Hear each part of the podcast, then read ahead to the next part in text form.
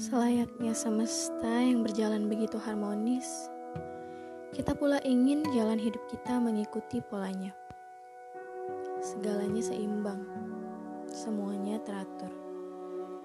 Namun kita hanyalah makhluk, bahkan makhluk dengan setumpuk kekurangan serta takdir yang membawa kita ke segala arah dalam kehidupan.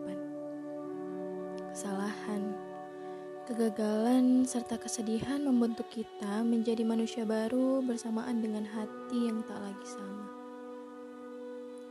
Aku tahu banyak kepedihan yang telah kau alami dikarenakan orang lain, atau bahkan yang terburuk disebabkan oleh jahatnya kita pada diri kita sendiri. Namun, aku juga tahu kau punya kesabaran yang selalu dapat kau andalkan. Kau begitu sabar maka teruslah seperti itu. Aku juga tahu bahwa kau telah lama berdiri tegak menunggu sesuatu ataupun seseorang datang untuk meraih tanganmu. Namun kau tetap si sabar yang dengan tegar tetap menegakkan kepala. Namun aku juga tahu bahwa kau sudah lelah, walaupun tak ingin mengucap kata menyerah. Maka bersandarlah sebentar. Duduk dulu dengan tenang. Serta ingatlah sudah sampai mana saat ini engkau melangkah. Di belakang sana, sudah banyak hal baik yang kau lakukan. Serta sudah banyak titik yang kau capai.